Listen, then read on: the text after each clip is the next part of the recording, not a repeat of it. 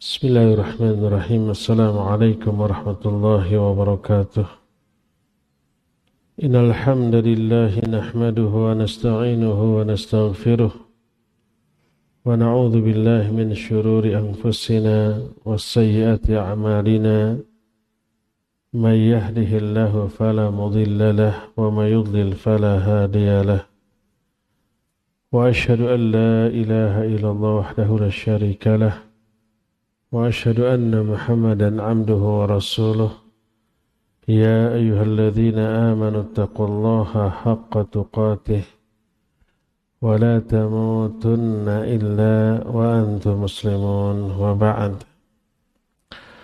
Hadirin jamaah Masjid Agung Al-Ukhwah Bandung yang Allah muliakan juga para pendengar radio Tarbiyah Sunnah Bandung juga beberapa radio lain yang ikut gabung serta para pemirsa beberapa stasiun TV juga para netizen di mana saja Anda berada. Alhamdulillah kita berjumpa kembali dalam kajian khusus muslimah tapi tak terlarang bagi ikhwan yang muslim untuk menghadiri kajian ini.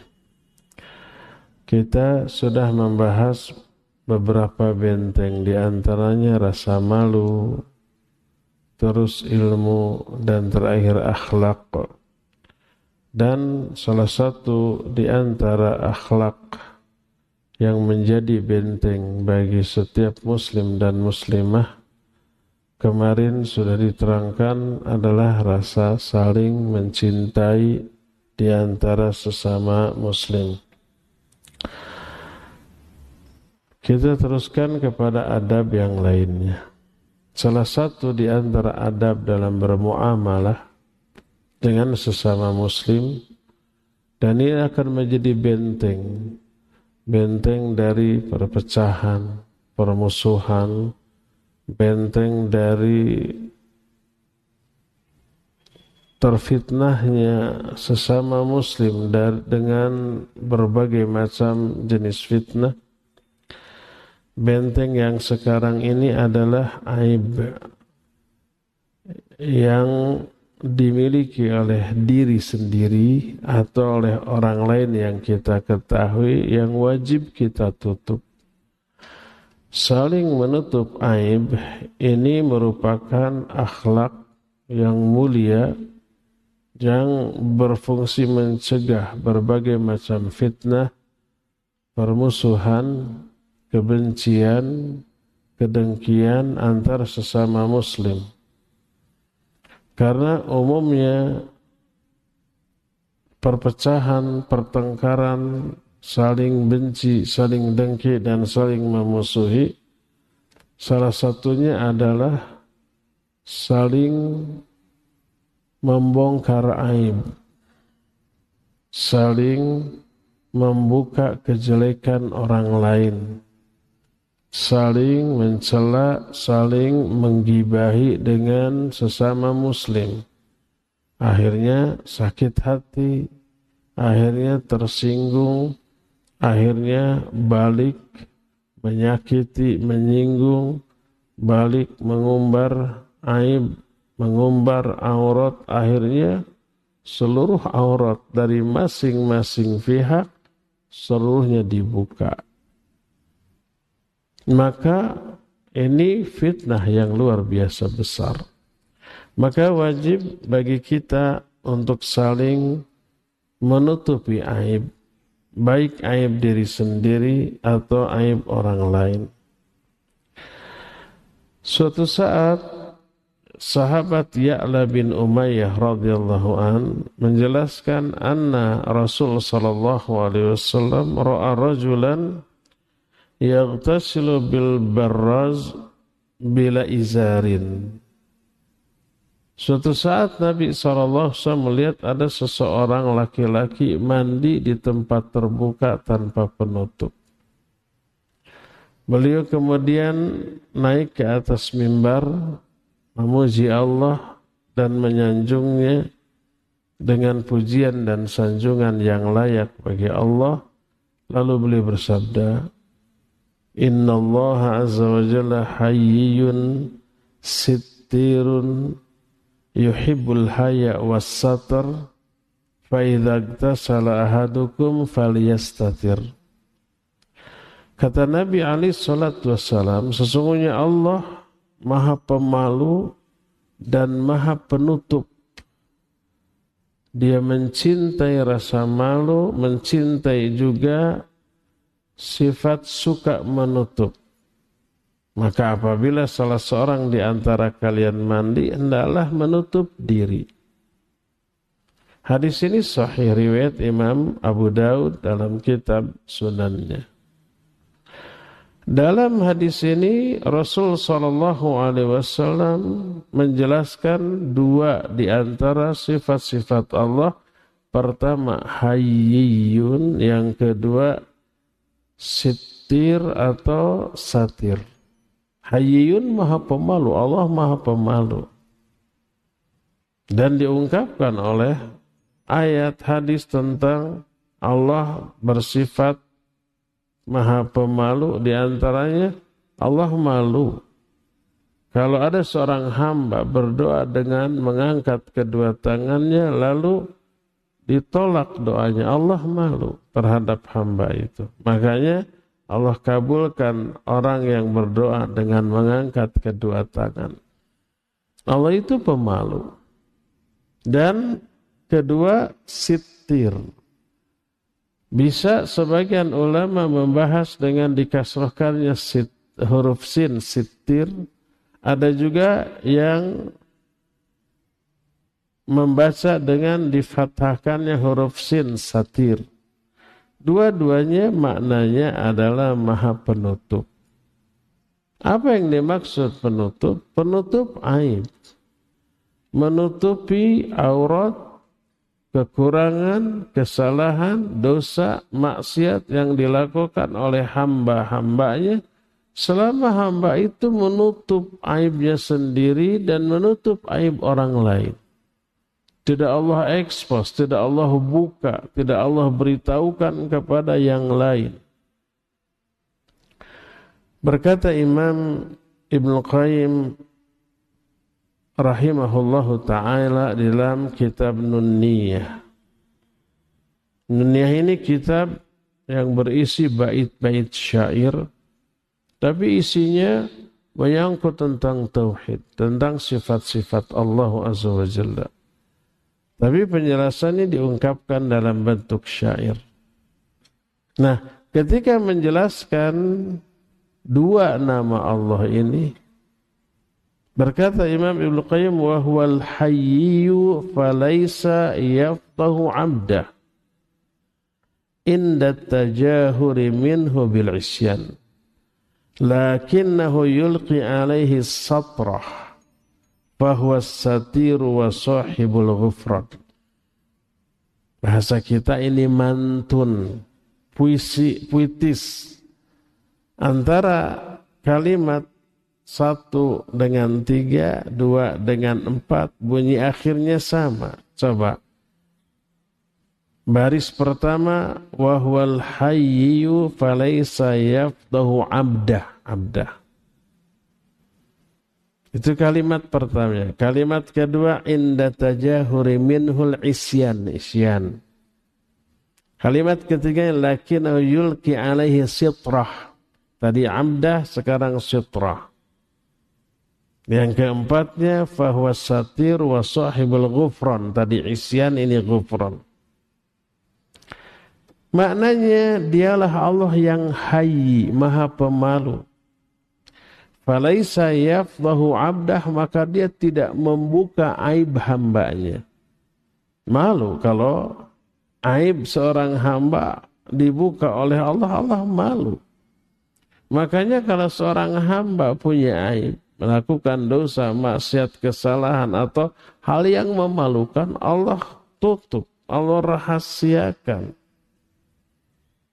Kata Imam Ibn Qayyim Allah maha pemalu maka dia tidak membuka hambanya, aib hambanya inda tajahuri minhu bil isyan ketika si hamba itu melakukan maksiat dengan terang-terangan. Dia terang-terangan, Allah tutup. Terus lakinnahu yulqi alaihi sitrah. Tapi Allah ulurkan kepadanya satra. Satra itu penutup, gording. Atau sesuatu yang menutupinya bahwa satir wa sahibul ghufran dia karena dialah yang maha satir, maha penutup aid wa sahibul ghufran dan pemilik ampunan. Dosa orang yang berdosa itu di dunia ditutup, di akhirat diampuni.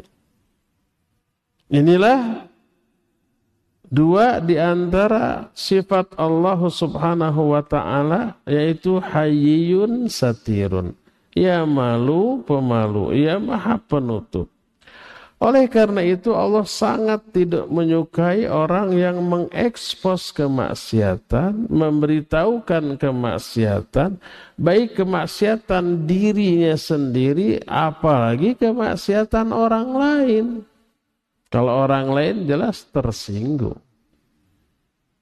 Hatta kemaksiatan diri sendiri kita tidak tersinggung, malah sebagian orang bangga dengan mengekspos kemaksiatannya di masa lalu. Ada orang yang menganggap bermaksiat itu prestasi di hadapan kawan-kawannya sama ahli maksiat. Kamu habis berapa botol tadi malam? Wah satu botolnya sudah sudah teler. Saya mah lima botol masih masih seger. Ada yang begitu? Ada. Berapa perempuan yang pernah kamu zini? Ah paling sepuluh. Haha saya mah sudah seratus. Ada yang begitu? Mungkin ada. Membanggakan diri dengan kemaksiatannya di hadapan sesama ahli maksiat. Allah benci, Allah nggak suka. Allah nggak ampuni dosa orang yang bangga dengan kemaksiatan dan mengekspos kemaksiatannya. Sebagaimana dalam salah satu hadis yang sahih riwayat Imam Bukhari dan Imam Muslim. Berkata Rasul sallallahu alaihi wa alihi wasallam kullu ummati mu'afan illal mujahirin.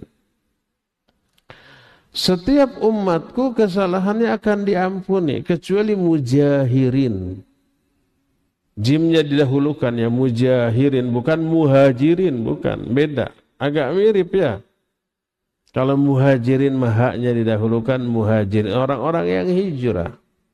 Ini ini mujahirin berasal dari kata jaharo. Jaharo itu menampakkan, memperlihatkan. Orang yang memperlihatkan disebut mujahir.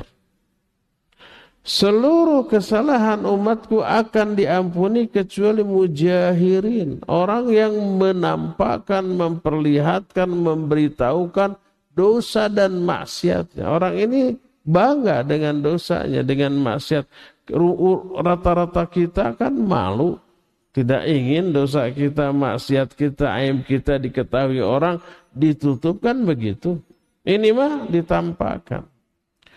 Wa inna minal mujaharah ayya'mal ar-rajulu bil laili amalan thumma yusbihu wa qad satarahu Allah fayaqul ya fulan amiltul barihata kadza wa kadza wa qad bata yasturuhu rabbuhu wa yusbihu yakshifu satrallahi anhu Di antara sik sikap mujaharahnya adalah seseorang berdosa melakukan amalan buruk di malam hari. Allah tutup amalan buruknya ini sampai besoknya. Gak ada orang yang tahu Allah rahasiakan. Eh esoknya dia ketemu kawannya lalu berkata, Hei fulan, Tadi malam saya sudah melakukan begini, begini, begini. Diberitahukan dosanya, kemaksiatan. Dia malam harinya dosanya ditutup oleh Allah, siang harinya dia singkap penutup Allah tentang aib dirinya di hadapan manusia. Orang seperti ini tidak akan diampuni dosanya oleh Allah Azza wa Jalla. Ya ditampakkan, ya kelak diazab. Jadi perbuatan keji, keburukan, aib, baik aib diri, apalagi aib orang lain, tidak boleh untuk diekspos, tidak boleh untuk diberitahukan. Ada ancaman dahsyat dari Allah Azza wa Jalla. Lihat surah An-Nur ayat 19. An-Nur ini turunnya ini berkaitan dengan fitnah terhadap Aisyah radhiyallahu anha. Aisyah itu diisukan melakukan dosa atau perbuatan keji berzina. Yang menghembuskan orang munafik. Gara-gara waktu diajak safar oleh Rasul SAW di jalan ketinggalan. Karena Aisyah ketika ditandu itu pas istirahat keluar dulu. Nabi dan para sahabat tidak tahu, lalu pergi lagi ditanduk lagi, Aisyahnya ketinggalan. Bingung kan Aisyah. Pas kembali ke tempat itu, waduh sudah berangkat rombongan. Dalam keadaan demikian ada seorang sahabat lewat membawa unta. Ternyata Aisyah disuruh naik untanya, sahabat ini berjalan duluan. Gak bareng tidak dituntun itu untanya agak jauh, tapi nggak terlalu jauh kalau khawatir kalau ada apa-apa terhadap Aisyah. Nabi SAW dan para sahabat sampai Madinah, dilihat Aisyah tidak ada, panik, gempar. Lagi gempar gitu datang. Sahabat, nggak lama kemudian diikuti oleh Aisyah, ah, digoreng tuh. Kasus ini sama orang-orang munafik. Disebar isu. Aisyah dan sahabat ini sudah melakukan perbuatan fahisyah. Beberapa orang sahabat lain ada yang terpengaruh ikut juga apa yang diisukan oleh orang-orang munafikin. Ingat untuk kasus fitnah seorang munafik, seorang pendusta, seorang ahli maksiat lebih dipercaya daripada puluhan orang-orang jujur. Ini salah satu bukti. Yang menyebarkan itu sudah terkenal kemunafikannya, tapi dipercaya. Ingat kasus Jurej, seorang ahli ibadah, rahim, lagi sholat sunat, ibunya memanggil jure, jure, dia tetap melanjutkan sholat sunatnya. Ibunya sambil berdoa, ya Allah jangan wafatkan jure. Sebelum dia melihat wanita, uh, wajah wanita pelacur. Kena itu jure dengan doa ibunya. Padahal menurut kita jure nggak salah. Lagi sholat dipanggil. nggak nyaut ibunya kesel. Doa keburukan. Gak lama kemudian wanita hamil datang, ini anak curej, ini anak curej. Ngaku ke orang-orang, kan gitu. Jurej membantah, terkenal-kenal acan. Ingat, ternyata masyarakat lebih percaya kepada omongan wanita pelacur daripada omongan ahli ibadah. Dalam masalah fitnah tuh begitu tuh. Dalam masalah menyebar keburukan, penyebar keburukan yang dikenal munafik, dikenal ahli maksiat, dikenal pezina lebih dipercaya daripada omongan ahli ibadah. Semacam jurid. Babak bulur tuh jurid sampai tempat ibadahnya juga dihancurkan oleh orang-orang. Karena orang-orang lebih percaya kepada fitnah daripada kepada kejujuran. Nah ini juga begitu. Sampai Aisyah itu terpojok. Karena fitnahan ini. Sampai Nabi SAW menyuruh Aisyah pulang ke rumah orang tuanya. Tanpa bermaksud menceraikan. Maka kalau ada suami istri berantem, kata suaminya, pulang kamu sana ke orang tuanya. ke orang tuamu. Itu belum tentu, belum cerai. Kalau nyuruh pulang. Nabi SAW juga menyuruh Aisyah pulang dalam kasus fitnah hadithul ifki ini. Terus sahabat yang tiga orang yang dihajar oleh Nabi dan para sahabat 40 hari. Karena nggak ikut perang tabuk. Setelah 40 hari istrinya pun disuruh pulang ke rumah orang tuanya masing-masing. nggak boleh lagi melayani suaminya. Lebih terpuruk sampai 50 hari. Setelah itu turun ayat yang menyatakan tobat mereka diterima, diterima kembali, istrinya disuruh kembali. Aisyah juga begitu. Sampai turun ayat yang menyatakan Aisyah bersih dari tuduhan.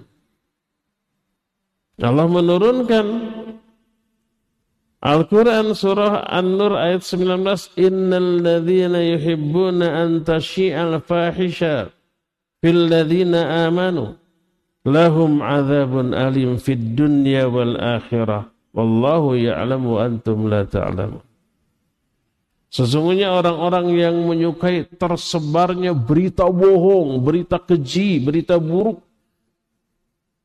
tentang orang-orang yang beriman. Bagi mereka akan ada azab yang pedih di dunia dan di akhirat. Allah mengetahui sedangkan kalian tidak mengetahui. Jadi ada klarifikasi dari Allah bahwa Aisyah bersih dari tujuan.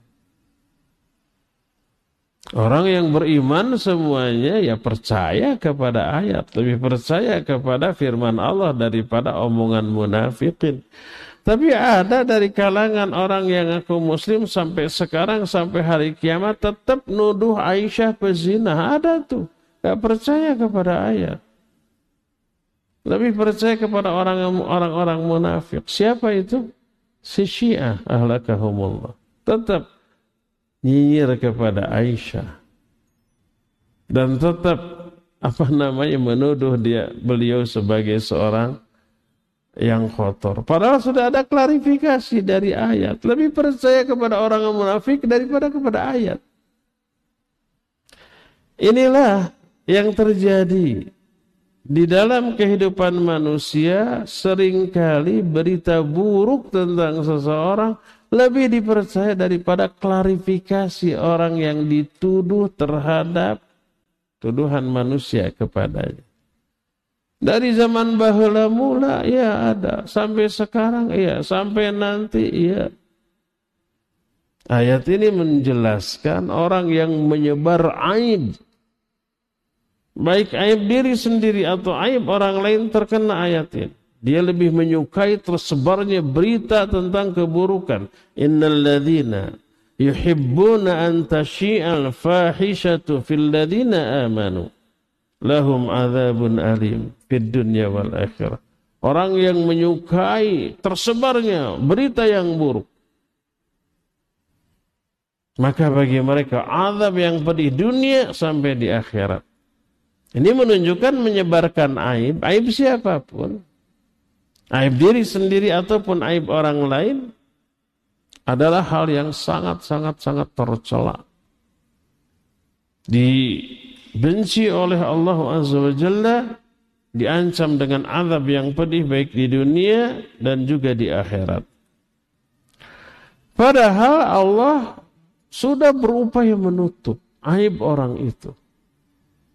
Karena sifat Allah memang satir, penutup aib di dunia sampai di akhirat. Tidak hanya di dunia, di akhirat juga Allah tutup orang yang melakukan dosa aibnya ditutup sampai ke akhirat.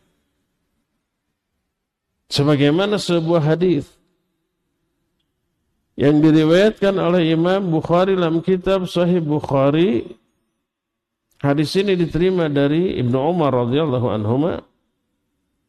Berkata Rasul sallallahu alaihi wasallam, "Inna Allaha yudnil mu'mina fayadha'u alaihi kanfahu wa yasturuhu fayaqul ata'rifu dhanba kadha? Ata'rifu dhanba kadha? Fayaqul na'am ay rabbi. Hatta idza qarrarahu bidhunubihi wa ra'a fi nafsi annahu halak qal satartuha 'alaika fid dunya wa ana aghfiru halakal yaum coba perhatikan bagaimana maha satirnya Allah kepada hamba-hambanya bisa terlihat di dalam hadis ini Kata Allah, kata Rasul Sallallahu Alaihi Wasallam, sesungguhnya Allah mendekatkan seorang mukmin kepada dirinya. Lalu Allah Azza wa Jalla menyiapkan timbangan, lalu Allah tutup dengan sebuah penutup. Hanya Allah dan dia. Orang lain pada hari kiamat itu tidak melihat dan tidak mendengar dialog Allah dengan orang itu. Ditutup. Lalu Allah bertanya kepada orang itu, apakah kamu mengakui dosamu ini, ini, ini pada hari ini? Dilihat buku catatan amalnya. Tuh buktinya, saksinya. Gak bisa mungkir. Saksi untuk kita di akhirat itu banyak selain saksi dari kalangan para malaikat, saksi juga dari bumi yang kita injak, saksi dalam bentuk anggota tubuh kita, tangan kita, kaki kita, daging kulit kita, ngomong, menyaksikan, memberikan persaksian atas amal kita. Mulut mah dikunci, nggak bisa ngomong anggota badan lain yang bisa memberikan persaksian. Gak bisa mungkin. Orang ini kemudian berkata, iya saya ngaku ya Allah. Terus semua dosa-dosanya diungkit. Hatta idha qarrarahu bidunubih. Sampai dia mengakui semua dosa-dosanya waro'a fi nafsihi qad halak. Annahu halak. Dan dia sudah pasrahlah meyakini ah saya binasa. Saya bakal diadab atas dosa-dosa tersebut. Waktu di dunia orang-orang nggak tahu dia berdosa. Orang-orang nganggap dia soleh karena nggak nggak nggak tahu perbuatan dosanya kan dilakukan diam-diam, menyendiri. Karena itu aib, nggak ingin diketahui oleh siapa pun. Dia menyangka dirinya akan binasa dengan azab. Lalu Allah berfirman, "Satartuha 'alaika fid dunya." Aku tutupi dosa-dosamu ini untukmu ketika di dunia. Orang nggak tahu bahwa kamu ini dosa. Orang nggak tahu bahwa kamu ini banyak aib. Wa ana aghfiru halakal yaum. Pada hari ini aku ampuni semua dosa-dosamu. Coba. Di dunia aib dosanya ditutup, di akhirat diampuni. Ini yang disebut dengan maghfirah. Maghfirah itu mencakup dua. Yaitu ditutupinya, dirahasiakannya dosa dan diampuninya dosa itu di akhirat. Maka kalau kita meminta kepada Allahumma gfirli, Ya Allah ampuni aku dengan ucapan maghfirah. Maknanya ya Allah tutup aibku dan hapus kesalahan. Jangan engkau azab aku karena dosaku. Jadi minta maghfirah, minta ampunan tidak hanya minta dibebaskan dari azab, dihapus dari kesalahan, tidak hanya itu.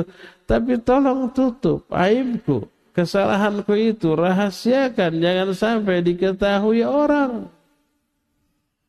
Itu makna dari maghfirah. Lihat, Allah maha penutup dosa yang dilakukan oleh manusia di dunia sampai di akhirat.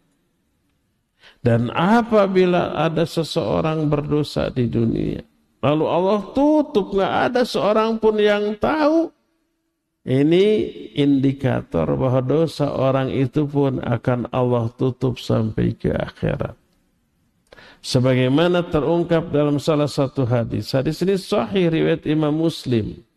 Dalam kitab Sahih Muslim berkata Rasul sallallahu alaihi wasallam, "La yasturullahu ala 'abdin fid dunya illa satarahu Allahu yaumal qiyamah." Tidaklah Allah menutup dosa seorang hamba di dunia kecuali Allah akan tutup juga dosa itu pada hari kiamat. Ini yang sekali lagi disebut dengan sebutan maghfirah, ampunan. Ini yang menyebabkan orang lain menganggap kita baik. Menganggap orang orang lain menganggap kita ini soleh. Menganggap or, orang lain menganggap doa-doa kita itu segala mah makbulnya. Karena solehnya kita. Padahal banyak aib. Sehingga berkata Imam Ibn Sirin rahimahullahu taala. Kata beliau in kana lidzunubi rihun la yaqdiru ahadun ayyujalisa ilayya. Seandainya dosa ini memiliki bau, niscaya tak ada seorang pun yang akan mampu duduk berdampingan dengan aku. Seandainya dosa itu berbau, Sekali dosa kita teh badannya bau gitu ya. Dua kali dosa tambah bau. Terus terusan doa. Ada orang yang mau dekat dengan kita. Itu orang sekali Imam Ibnu Sirin yang kaceluk, kaun-aun, kakoncara, kajana pria sebagai orang soleh. Ahli ibadah sangat menjaga diri dari dosa dan kemaksiatan ngaku seperti itu. In kana lidzunubi rihun fala yaqdiru ahadun ayujalisa ilayya. Seandainya dosa itu punya bau, tak ada seorang pun yang mampu duduk di samping. Terus apa yang dimaksud dosa oleh Imam Ibn Sirin oleh para ulama? Jangan dibayangkan Sigana di belakang orang-orang tukang judi, tukang mabok, tukang zina tuh. Jangan dibayangkan begitu yang dimaksud dosa. Yang dimaksud oleh dosa menurut mereka adalah kesolehan menurut kita. Ini ada sebuah kitab yang dijual oleh Imam Ibn Rusab dengan judul Bidayatul Mujtahid Nihayatul Muqtasid. Kita pernah bahas kalimat arti arti dari kalimat atau maksud dari kalimat dalam kitab apa namanya tentang amalan hati At-Tuhfah Al-Iraqiyah fil A'malil Qalbiyah susunan Syekhul Islam Ibn Taimiyah rahimahullah. Ada ungkapan di kalangan para ulama bidayatul mujtahid nihayatul muqtasid. Bidayatul mujtahid artinya permulaan bagi orang yang sungguh-sungguh. Nihayatul muktasid adalah puncak bagi orang yang ala kadarnya. Apa maknanya? Makna kalimat itu sesuatu prestasi tertinggi yang bisa dicapai oleh orang yang asal-asalan itu adalah permulaan bagi orang-orang yang bersungguh-sungguh dalam melakukan sebuah amalan. Kita ketika kita sholat, khususnya 10% saja, itu sudah merasa soleh, ya enggak? Bagi orang soleh, 10% kehusuan dalam sholat, aib luar biasa. Dianggap, aduh saya pendosa besar. Kenapa? Saya hanya bisa mencapai 10% dari kehusuan dalam sholat. Dari target 100%, hanya dicapai 10%. Ini gimana? Apakah prestasi atau bukan? Bukan.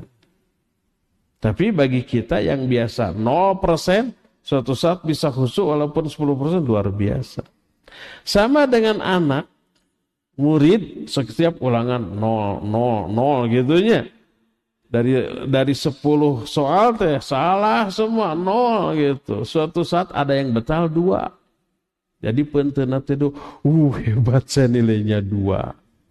Sebab dia terbiasa nol.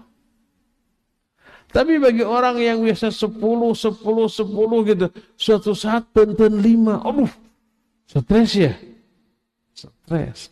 Padahal lima teh kata si nol tadi, wah luar biasa nilai.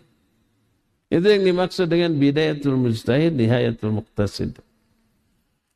Yang dimaksud dosa oleh Imam Ibn Sirin dan ulama-ulama selevel dengannya bukan dosa melanggar larangan, bukan.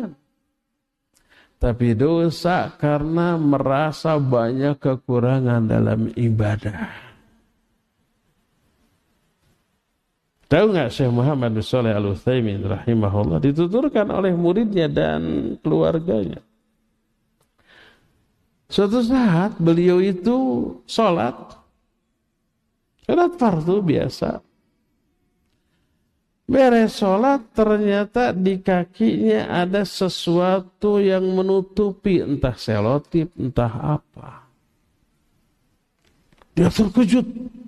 Aduh ada selotip. Dikhawatirkan apa? Dikhawatirkan air wudhu tadi itu terhalang dari kulit telapak kakinya ya. Kalau kita marah, cuekin, sabar, kan gitunya. Nggak dianggap sebagai satu kesalahan. Beliau luar biasa resah. Apa yang terjadi? Beliau mengganti sholatnya yang barusan dengan melakukan seluruh sholat sunat yang disyariatkan. Berlama-lama dalam sholat sunatnya. Jelas tahajudnya semalam. Duhanya yang siang harinya dilakukan. Semua sholat sunat yang disyariatkan terus dilakukan selama sebulan untuk menembus itu. Tuh. Padahal menurut kita makan tidak salah. Secara fikih memang tidak salah.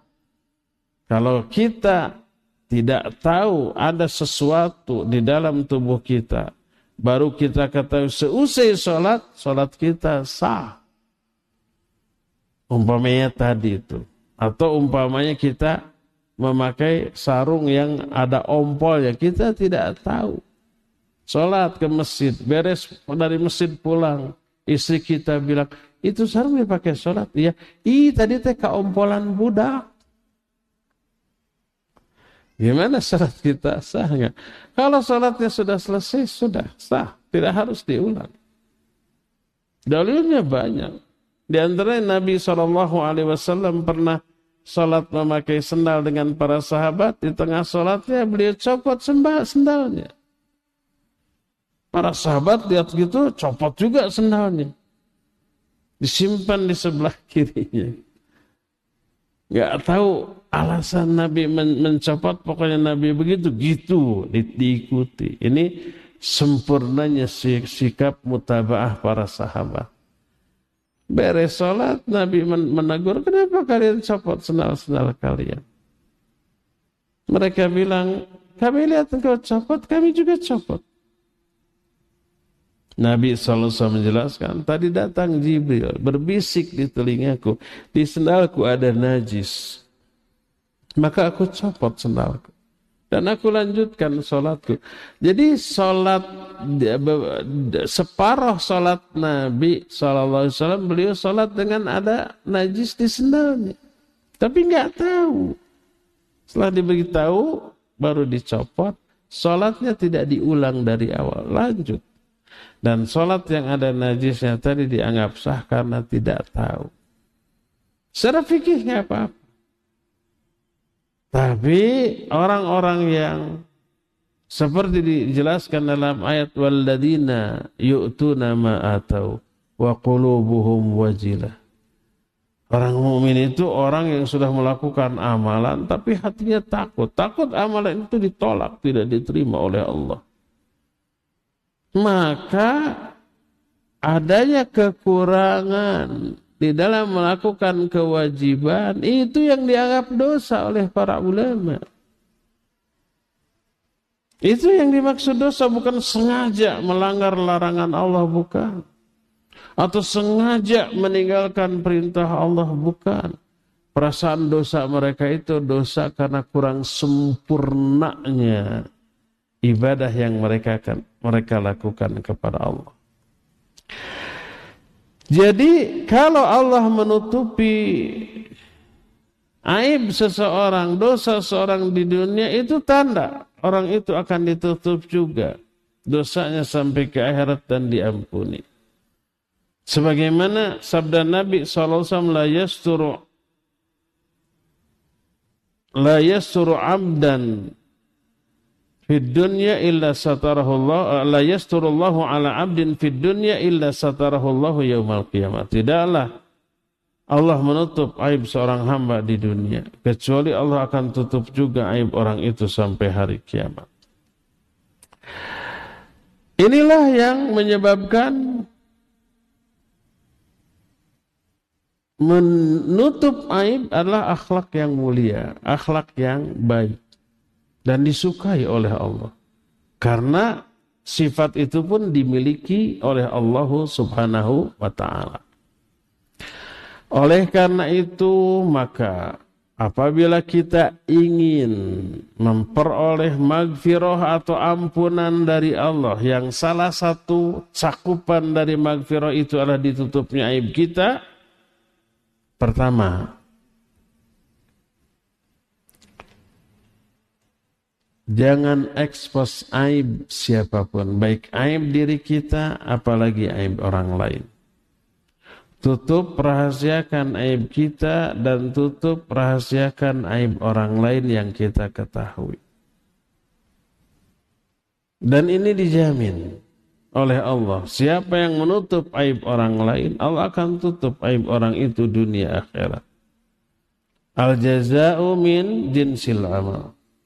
Balasan akan disesuaikan dengan jenis perbuatan. Jenis perbuatan kita menutup aib, Allah akan tutup aib kita. Dunia sampai ke akhirat. Ini hadis yang sahih diriwayatkan oleh Imam Muslim Berkata Rasul sallallahu alaihi wasallam, "La yasturu 'abdun 'abdan fid dunya illa satarahu Allahu yaumal qiyamah." Tidaklah seorang hamba menutup aib hamba lain di dunia kecuali Allah akan tutup aib orang itu di hari kiamat. Kita tahu orang lain punya banyak kesalahan, kekeliruan, aib, ya, dosa, maksiat. Kita tahu. Mungkin kita melihatnya, mungkin kita mendengarnya, mungkin kita menyaksikannya. Jangan sampai keluar dari mulut kita atau dari jempol kita. Kadang mulut nggak ngomong, tapi jempol bergerak. Nulis di status saya tadi lihat si fulan di anu lagi gitu gitu gitu gitu. Diumbar aib. Tutup aib orang itu Allah akan tutup aib kita. Hadis sahih riwayat Imam Muslim dengan lafaz yang sedikit berbeda, man satara musliman satarahullahu fid dunya wal akhirah. Siapa orang yang menutup aib seorang muslim, Allah akan tutup aib orang itu dunia sampai akhirat. Sebaliknya, kalau umpamanya seseorang membuka aib orang lain, Allah akan balas dengan membuka aib kita sendiri. Dan kalau yang membukanya aib, Gak akan ada yang bisa menghalangi. Seluruh dunia bisa tahu. Orang seperti itu disebut orang yang imannya hanya sampai di lisan tidak sampai ke hati. Orang yang seperti itu yang hanya di lisan sampai di hati terlihat dari tandanya suka ngorek-ngorek kesalahan orang lain, me, me, mengintip kesalahan aib orang lain untuk diungkit, untuk diungkap. Menyakiti, menyinggung sesama muslim. Itu orang yang imannya sampai di lisan, tidak sampai di hati. Kata Nabi Wasallam dalam sebuah hadis riwayat Imam Ahmad dan Imam Abu Dawud. Hadis ini derajatnya Hasan Sahih. Berkata Rasul SAW, Ya ma'syara man amana bilisanih, walam yadkhulil imanu qalbah. La taghtabul muslimin, wala tattabi'u awratihim. فإنه من اتبع عوراتهم يتبع الله عز وجل عورته Wa may yattabi'illahu auratahu yafdahu walau, fi baitih. Wahai orang-orang yang baru beriman dengan lisannya tapi iman itu belum masuk ke dalam hatinya, jangan kalian menyakiti sama muslim. Jangan kalian menggibahi sama muslim, berarti orang yang menggibahi yang menyakiti, yang menyinggung, yang membuat orang lain tidak nyaman dengan kelakuan kita, itu orang imannya sampai di lisan saja, belum sampai di hati. Lalu Nabi SAW menyatakan, wala tattabi'u auratihim, jangan kalian memata-matai, mengorek-ngorek, mencari-cari aurat sesama kaum muslimin.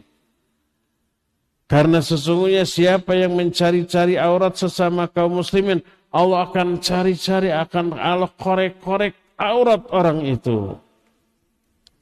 Dan siapa orang yang dicari, dikorek auratnya oleh Allah, Allah akan bongkar walaupun orang itu melakukannya di dalam rumah sendiri.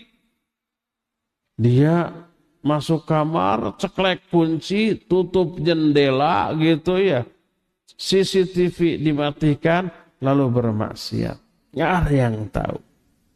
Walaupun nggak ada makhluk yang tahu, Allah tahu, para malaikat juga tahu. Allah akan bongkar aib itu di hadapan sesama manusia kalau orang itu membongkar aib orang lain. Makanya Allah wanti-wanti itu dalam Al-Quran. Ya ayuhalladzina amanu jtanibu kathira minadhan. Inna ba'dha dhanni itham. Wala tajassasu. Wala yaghtab ba'dukum ba'dha. Hai orang-orang yang beriman, jauhi kebanyakan berprasangka. Karena sebagian prasangka dosa. Sebagian berarti ada prasangka yang berpahala ada. Prasangka yang baik, husnubon. Yang dosa yang su'udhon. Itu yang dosa. Sebagian prasangka, tidak seluruh prasangka. Karena ada prasangka yang baik. Yang buruk itu yang dosa. Yang disebut dengan su'udhan tadi. Su'udhan ini mendorong orang untuk tajassus. Tajassus itu mencari-cari, ngorek-ngorek kesalahan orang lain. Wala tajassasu. Jangan su'udhan, jangan tajassus. Setelah terkorek, ah dapat nih keburukan orang, aib orang, kesalahan orang. Terus diomongin gibah. Makanya Jangan sebagian kalian menggibahi sebagian yang lain. Wala yaghtab ba'dukum ba'dha. Ayuhibbu ahadukum ayakula lahma akhihi maitan fakaritum. Apakah suka kalau kalian memakan daging bangkai saudara kalian yang sudah mati pasti kalian gak suka. Menggibahi orang sama dengan memakan daging orang tersebut setelah kematiannya berhari-hari. Setelah mati dibiarkan busuk setelah masuk busuk kita makan daging bangkai. Ini kanibal. Jijik ngeri. Sengejijik itu gibah berawal dari suudon Lalu lahir tajasus mengorek-ngorek. Setelah terkorek, diekspos. Gibah namanya. Nah, jangan sampai seperti itu. Siapa yang ngorek-ngorek kesalahan orang lain, Allah korek-korek kesalahan dia. Dan siapa orang yang kesalahannya dibongkar oleh Allah, Allah akan ekspos. Walaupun dia melakukan kesalahannya di dalam kamarnya sendiri yang terkunci, Allah akan ekspos sampai semua orang mengetahui aibnya. Oleh karena itu wajib bagi kita untuk menghindarkan diri dari mengungkap aib, baik aib diri sendiri atau aib orang lain. Ada doa yang diajarkan oleh Rasul Shallallahu Alaihi Wasallam agar aurat kita tidak diekspos oleh Allah. Jadi yang pertama kalau kita ingin aurat kita, aib kita ditutup, pertama jangan ungkap aib orang lain. Tutupi aib orang lain. Kita saling menutupi, menjaga. Rahasia orang lain harus aman di tangan kita. Maka siapa pun orangnya berkawan, bersahabat dengan kita, dengan karakter seperti itu, dia tenang, aman. Saya yakin aib saya tidak akan dibongkar oleh orang ini. Karena dia amanah. Dia berakhlak kok. Salah satu akhlaknya adalah menutup aib. Baik aib diri sendiri ataupun aib orang lain. Kedua, jangan lupa berdoa kepada Allah Azza wa. Salah satu doa yang diajarkan oleh Rasul Shallallahu Alaihi Wasallam ini selalu kita baca setiap hari minimal dua kali itu. Pagi dan petang ini ada dalam zikir pagi-pagi dan petang. Salah satu isi doa apa zikir pagi dan petang itu doa. Salah satu isi doanya itu minta agar aurat kita ditutup. Salah satu kandungan doa dalam zikir pagi dan petang Allah Allahumma inni as'alukal afal afa wal afiyah fid dunya wal akhirah. Allahumma inni as'alukal afwa wal afiyah fi dini wa dunyaya wa ahli wa mali. Terus Allahumma astur aurati wa amin rawati. Nah ini Allahumma astur aurati ya Allah tutup auratku. Wa amin rawati dan amankan aku dari rasa ketakutan. Apa makna ya Allah tutup auratku? Maknanya adalah beri aku maghfirah. Beri aku ampunan. Karena hanya dengan maghfirah Allah, aurat kita akan ditutup. Sebab itu salah satu kandungan dari magfirah. Magfirah itu aibnya ditutup di dunia dan di akhirat diampuni, dihapus dan tidak diadab. Itu magfirah. Allahumma stur aurati, ya Allah tutup auratku artinya berikan magfirahmu kepadaku. Dan maknanya adalah berikan kepadaku hidayah. Hidayah untuk apa? Hidayah untuk mengamalkan amalan-amalan yang menyebabkan engkau memberikan magfirah kepadaku. Banyak amalan pengundang magfirah selain tobat, selain banyak istighfar, selain banyak melakukan kebaikan. Juga berpegang teguh kepada sunnah. Kata Allah Azza wa Jalla, Qul in kuntum tuhibbunallah fattabi'uni yuhibbukumullah wa yaghfir lakum dzunubakum. Kalau kalian cinta kepada Allah, ikuti aku, ikuti Rasulullah. Maka Allah akan mencintai kamu dan akan memberikan maghfirah kepadamu. Tuh, salah satu penyebab orang dapat maghfirah berpegang teguh kepada sunnah Rasulullah SAW. Wa qulu qawlan sadida yuslih lakum a'malakum wa yaghfir lakum. Katakan olehmu perkataan yang baik, maka Allah akan berikan taufik kepadamu dan Allah akan berikan maghfirah kepadamu. Tuh bicara yang baik. Dan banyak lagi amalan pengundang turunnya maghfirah. Allahumma sur aurati. Ya Allah tutup auratku maknanya berikan hidayah kepadaku untuk mengamalkan amalan-amalan yang bisa mengundang turunnya magfirahmu sehingga auratku tertutup sampai akhirat nanti. Ya. Ikhwah dan akhwat terutama inilah kajian kita sekarang menutup aib baik aib diri sendiri ataupun aib orang lain. Cukup sampai di sini penjelasan kita. Dan kita masuki sekarang sesi tanya jawab Kertas pertanyaan sudah sangat banyak, cukup jangan ada lagi yang nulis. Ini juga belum tentu terjawab se se semuanya. Bismillah Ustaz. Bagaimana cara menghadapi orang tua yang selalu menyebarkan aib anak-anaknya dengan menyebarkan aib orang lain dan tetangga? Saya sudah pusing menghadapi orang tua saya. Hik, hik, hik. Nangis sebenarnya. Padahal nulis seks itu sambil senyum loh. Iya, sabar gimana lagi. Orang tua loh. Boleh kita ingatkan kasih itu harus bukan boleh. Tapi dengan sebaik-baik cara, setepat-tepat momen. Momennya harus pas.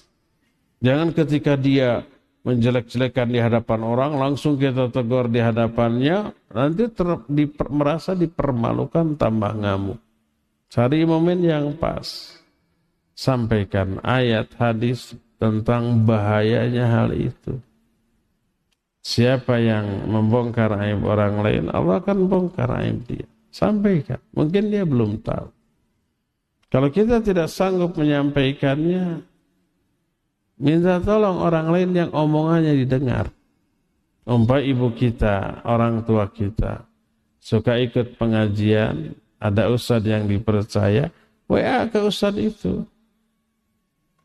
Tolong bahas hukum mengungkit aib orang. Nanti gimana kalau orang suudon ngapain cari HP Ustad mau PDKT? Terserah omongan orang. Yang penting niat kita bukan begitu. Orang suudon kepada kita ya.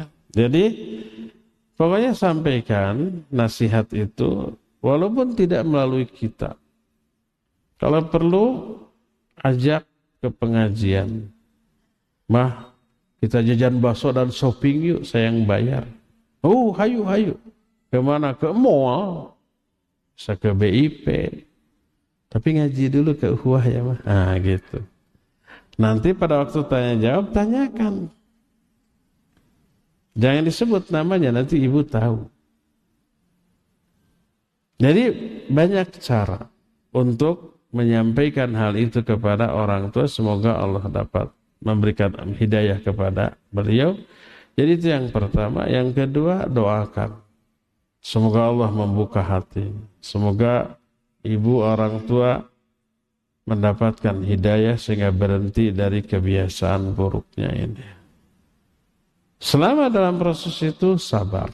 Sabar, sabar dan tetaplah berbuat baik kepadanya.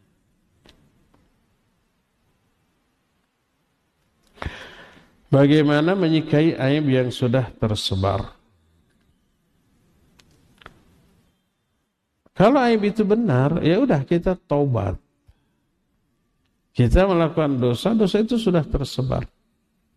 Ya sudah tobat saja dari dosa itu. Semoga tersebarnya aib itu penghapus dosa kita. Malu enggak? Ya pasti malu lah. Silakanlah merasa malu. Tapi tidak boleh menghalangi kita dari kewajiban, ya. Karena malu mengurung diri di kamar tidak mau kuliah, tidak mau makan, tidak mau interaksi, tetaplah. Sudahlah, itu apa namanya masa lalu yang harus kita perbaiki. Semua orang punya masa lalu yang gelap, ya. Ada yang terekspos, ada yang tidak. Belum tentu orang lain lebih baik daripada kita hanya karena masih ditutupi aib mereka oleh Allah Azza wa Jalla.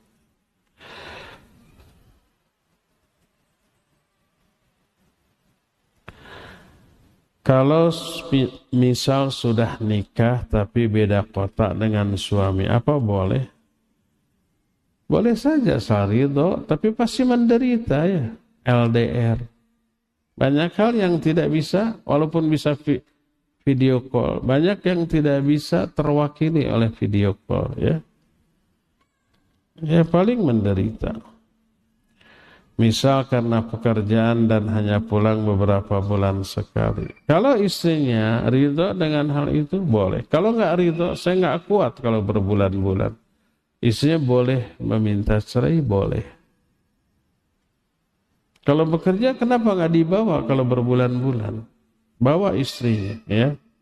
Walaupun harus kos kontrak sakamar nggak masalah.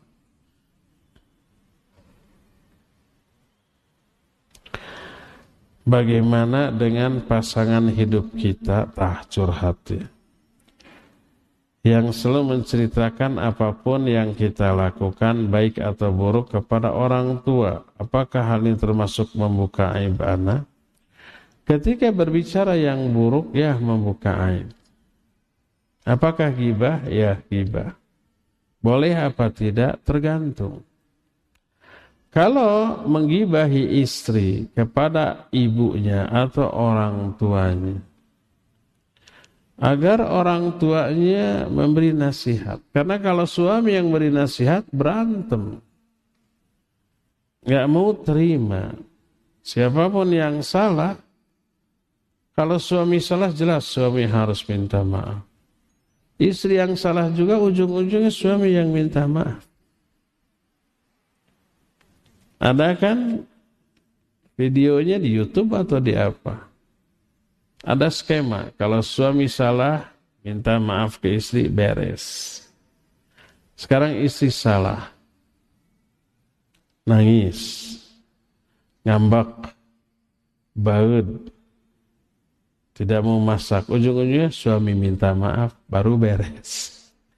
Yang salah istri tetap ujung-ujungnya Umpamanya begitu, ada tipikal isi yang seperti itu. Ada? Bukan ada, banyak. Banyak apa semua? Banyak. Enggak semua lah, ada yang solehahnya ada. Jadi kalau dikasih tahu oleh suami, malah berantem ujung-ujung. Walaupun si istri salah. Akhirnya si suami konsultasi ke ibunya. Mungkin omongan ibunya didengar. Ini gibah yang diperbolehkan. Kalau dalam rangka mencari solusi, iya boleh.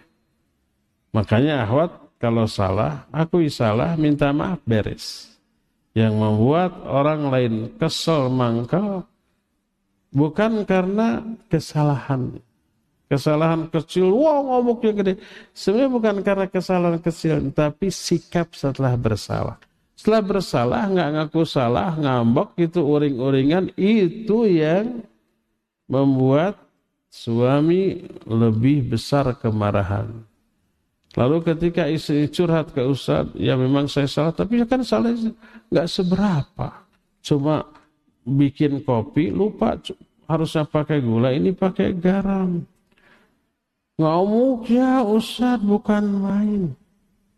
Saya nggak percaya ngamuknya suami hanya karena kasus itu. Mungkin ngamuknya suami itu setelah isi bersalah ngeyel di atas kesalahan. Tidak merasa bersalah tidak minta maaf cari pembenaran atau balik mengungkit saya kesalahan cuma gini apalagi kamu? Tuh itu yang membuat suami tambah marah ya.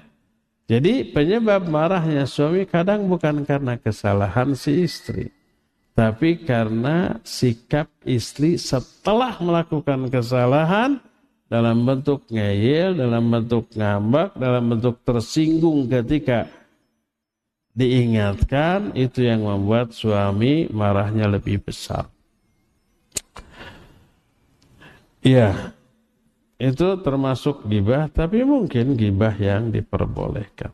Adapun kalau bukan dalam rangka mencari solusi, Yesus setiap bersalah, dia ngaku salah, minta maaf, jangan marahi saya, ya saya ngaku salah, memeluk itu ke suami ngaku salah dan memperbaiki diri, nah itu yang bagus. Kalau sudah begitu, si suami tetap mengekspos kesalahan istri, termasuk ke ibunya, ke mertuanya, maka suami dosa.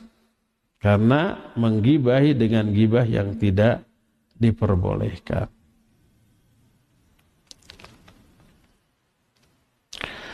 Apa boleh menceritakan kisah hijrah aib kita di sosial media mesti tanpa menyebutkan identitas jelas kita?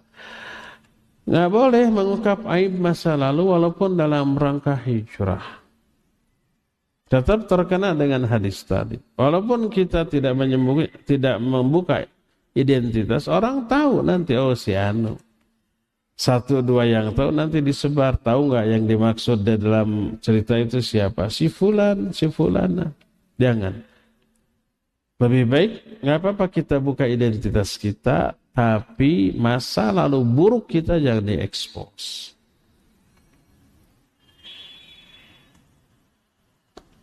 Manakah yang lebih baik menabung untuk haji tapi tetap berkurban atau menabung untuk haji tapi tidak berkurban hingga uang untuk haji cepat terkumpul.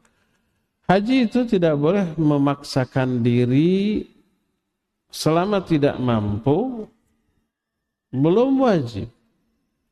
Kalau umpamanya nabung terus ada kewajiban yang berkaitan dengan harta lalu nggak dilakukan hanya karena untuk nabung haji dosa dia. Jadi ketika datang kurban kita punya kemampuan tapi tidak berkurban hanya dengan alasan untuk berhaji tetap kita kena dengan hadis maka lahu sa'ah wa lam yudhahi fala yaqrabanna musallana. Keluarkan untuk kurban Allah ganti dengan yang lebih banyak nanti ya.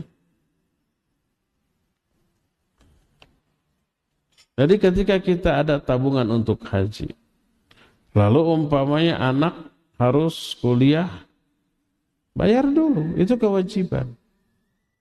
Jangan sampai untuk haji ini mah, akhirnya minjem nggak boleh. Minjem untuk kuliah pada uang ada, nggak boleh. Keluarkan. Kalau ternyata sudah 10 tahun nggak cukup-cukup karena ada kewajiban dengan uangnya nggak masalah. Kita belum terkena kewajiban haji dan tidak dosa. Ada orang yang bekerja di kapal pesiar. Kemudian dia menitip uang. Katanya buat beli hewan kurban atas nama orang tuanya. Apakah kurbannya sah? Sah. Asal dia sendiri harus berkurban untuk dirinya sendiri. Salah kalau umpamanya dia tidak berkorban, uangnya untuk orang tua kurban nggak boleh. Untuk dirinya sendiri, kalau ada kelebihan untuk orang tua, belikan orang tua. Kalau nggak ada, ya sudah nggak masalah. Di luar kemampuan dia. Karena anak belum mau terima uangnya, takut salah. Terima saja asal bilang, ini kamu sendiri udah kurban?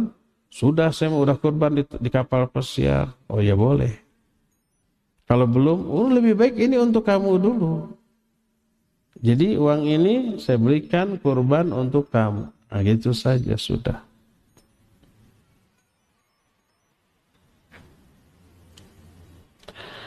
Teman anak dulu berzina. Kok tahu? Ngintip atau? Hingga memiliki seorang putri. Sekarang teman anak sudah bercerai dengan suaminya yang dulu dan sekarang mempunyai suami baru. Kini putrinya sudah dewasa dan akan menikah. Menurut syariat, anak hasil zina tidak dinasabkan pada bapak biologisnya. Nah, tidak banyak yang tahu status anak ini.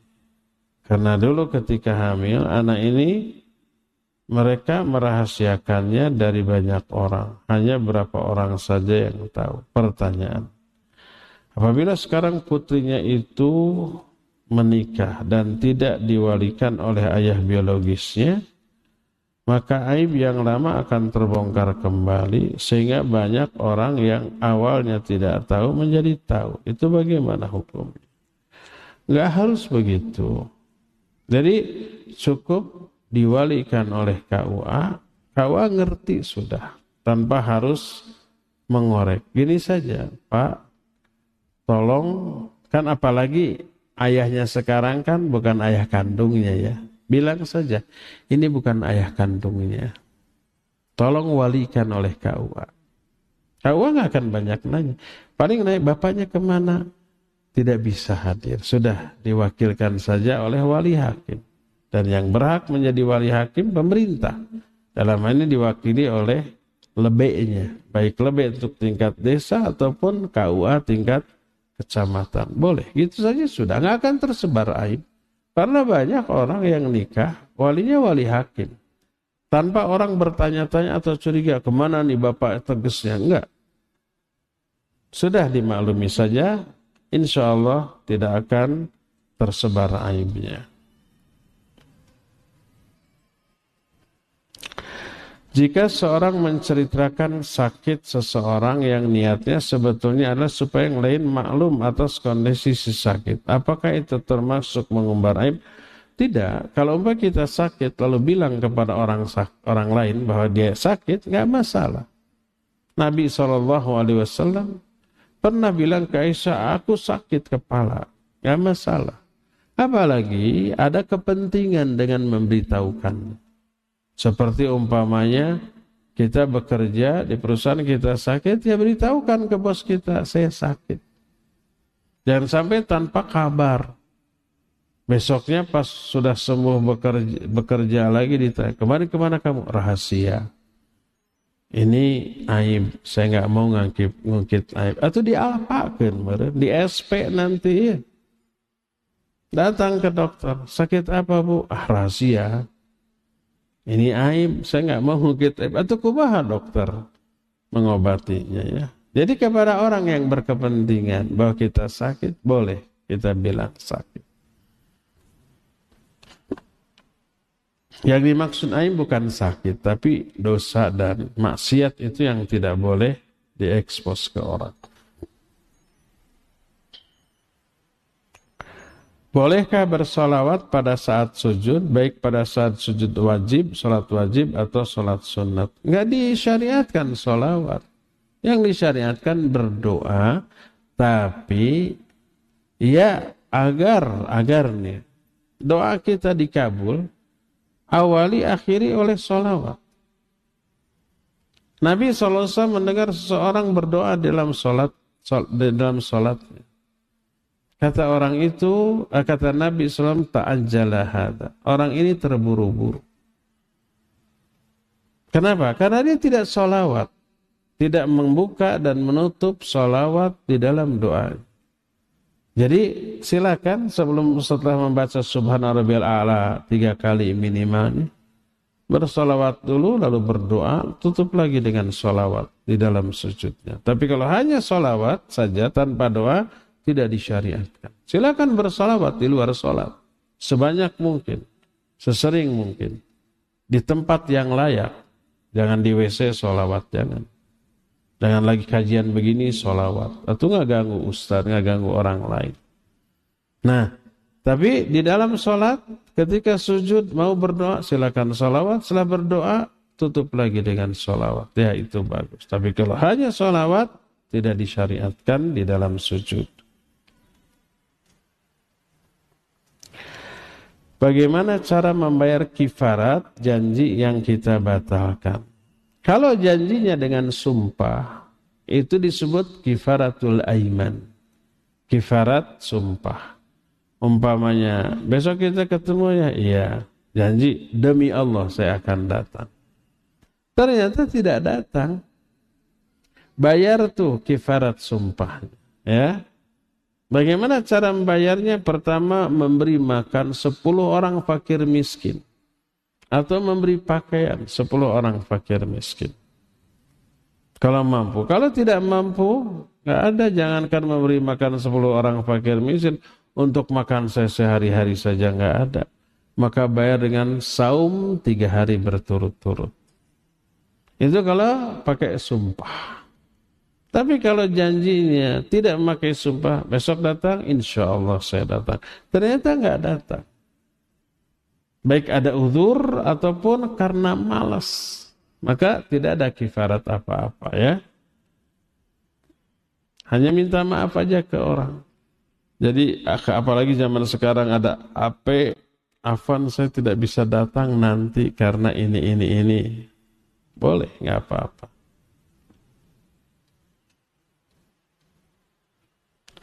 Apakah apabila suami pernah ketahuan selingkuh? Kemudian ia mengaku mengenai masa lalunya yang buruk. Karena istrinya tidak percaya kepadanya. Apakah ini termasuk membuka aib? Mohon nasihatnya. Istri yang punya suami riwayat melakukan zina beberapa kali tapi sudah bertobat. Iya, kalau sudah bertobat, semoga Allah ampuni. Tapi bukankah harus dirajam? Kalau berlaku hukum rajam dan rajam lebih maslahat baginya, iya. Tapi kalau umpamanya tidak ada hukum rajam seperti di Indonesia atau di Saudi yang ada hukum rajam, orang berzina lalu ingin tobat, apakah harus datang ke hakim untuk dirajam? Tidak. Kalau dia yakin mampu bertobat tanpa mengulang lagi, cukup. Jangan diberitahukan kepada orang lain. Tapi kalau dia tahu diri itu lingkungannya berbahaya, imannya lemah, kalau dia tidak dirajam akan berbuat lagi silakan. Dia datang ke hakim untuk dirajam. Tapi kalau yakin dirinya bisa bertobat, dia bisa pindah ke lingkungan yang baik, maka cukup itu dan rahasiakan. Sebuah hadis yang sahih riwayat Imam Muslim. Seseorang datang kepada Rasul SAW. Ya Rasulullah, saya mengobati seorang perempuan di ujung kota Madinah. Saya sampai menzinahinya. Ini praktek pengobatan cabul ya. Pura-pura. Sekarang saya datang kepada engkau agar engkau menetapkan hukum yang Allah tetapkan untukku. Umar bin Khattab di sana ada. Apa kata Umar? Ya, Lima dalam tastur auratak kama satarallahu lak. Kenapa engkau tidak rahasiakan, tidak tutup aibmu sebagaimana Allah telah menutup aibmu? Kan nggak ada yang tahu dia berzina. Kecuali setelah dia ngomong begitu. Saat itu Rasul SAW diam, tidak berbicara apa. Tidak langsung raja orang ini, enggak. Diam. Sampai orang itu pergi. Setelah pergi, Nabi SAW menyuruh seorang sahabat memanggil kembali orang. Dipanggil. Kemudian Nabi SAW membacakan Al-Quran surah Hud ayat 114. Kata Allah Azza wa Jalla, Aqimis sholah. Tarfal layli. Wa, uh, tarfan nahari wa zulata minal layli. Innal hasanati yudhibna sayyat. Dirikan olehmu sholat di kedua ujung uh, hari dan di malam hari. Karena sesungguhnya kebaikan-kebaikan itu menghapus dosa. Jadi Nabi hanya membacakan ayat ini saja. Menyuruh orang itu memperbanyak sholat, memperbanyak kebaikan karena kebaikan menghapus dosa-dosa, lalu orang itu pergi. Seorang sahabat bertanya, Ya Rasulullah, ahada lahu khas aw likullina wahai Rasulullah apakah ini hanya berlaku bagi dia atau berlaku bagi kita semua maka dijawab bal likullikum ini berlaku untuk kalian semua.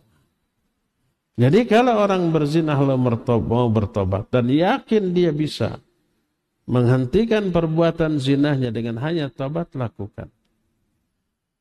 Nah, Syekh Al-Utsaimin rahimahullah menyatakan bila dia yakin atau khawatir kalau dia nggak dirajam akan berbuat lagi berbuat lagi karena dia tahu kapasitas imannya dia tahu lingkungannya akan terseret lagi silakan dia datang ke hakim untuk dirajam ya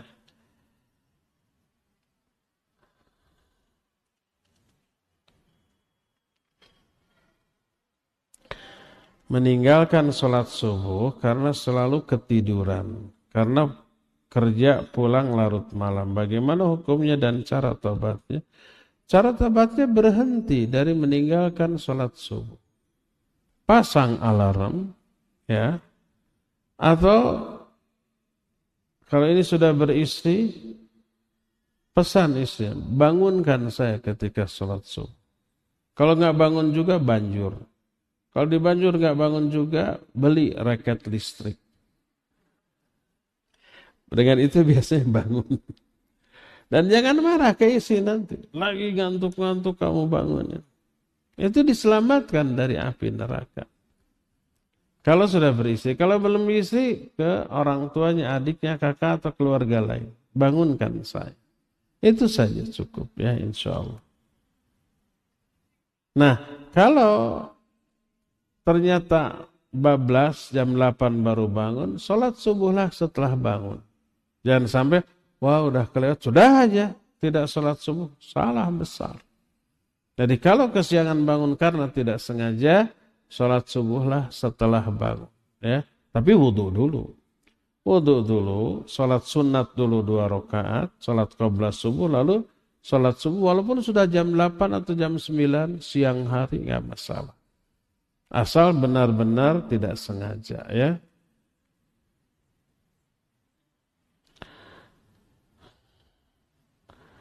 Saya mau tanya tentang pembagian waris. Kakak perempuan saya meninggal dan meninggalkan suami dan tiga anak. Tidak memiliki anak laki-laki. Tiga anak perempuan berarti ya.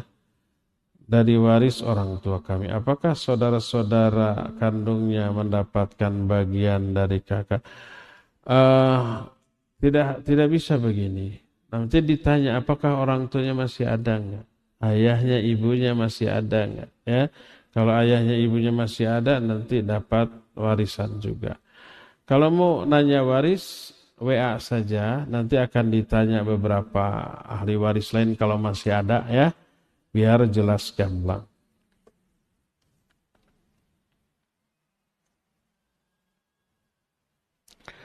Boleh nggak memanfaatkan diskon yang dikhususkan bagi pemegang kartu nasabah suatu bank? Itu riba.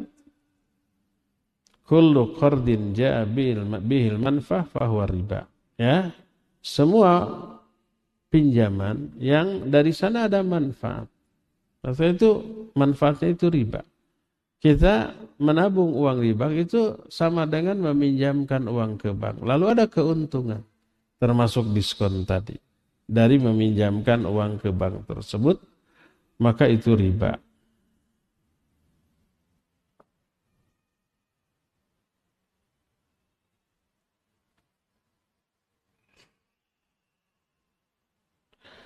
Saya pernah mendengar dari seorang yang mengatasnamakan yang mengatakan bahwa Rasulullah pernah berkata, umatku akan meninggalkan dua hal yaitu zakat dan waris.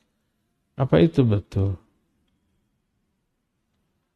Ah, wallahu a'lam, belum pernah dengar. Yang pernah ada adalah ilmu yang pertama kali diangkat oleh Allah adalah ilmu waris, iya. Ilmu faraid, iya. Yang pertama kali hilang. Mungkin ada tapi saya belum dengar, kurang baca berarti. Ini nanti memicu atau mendorong saya untuk baca lagi. Tapi belum pernah dengar bahwa umatku akan meninggalkan zakat dan waris. Terakhir ya,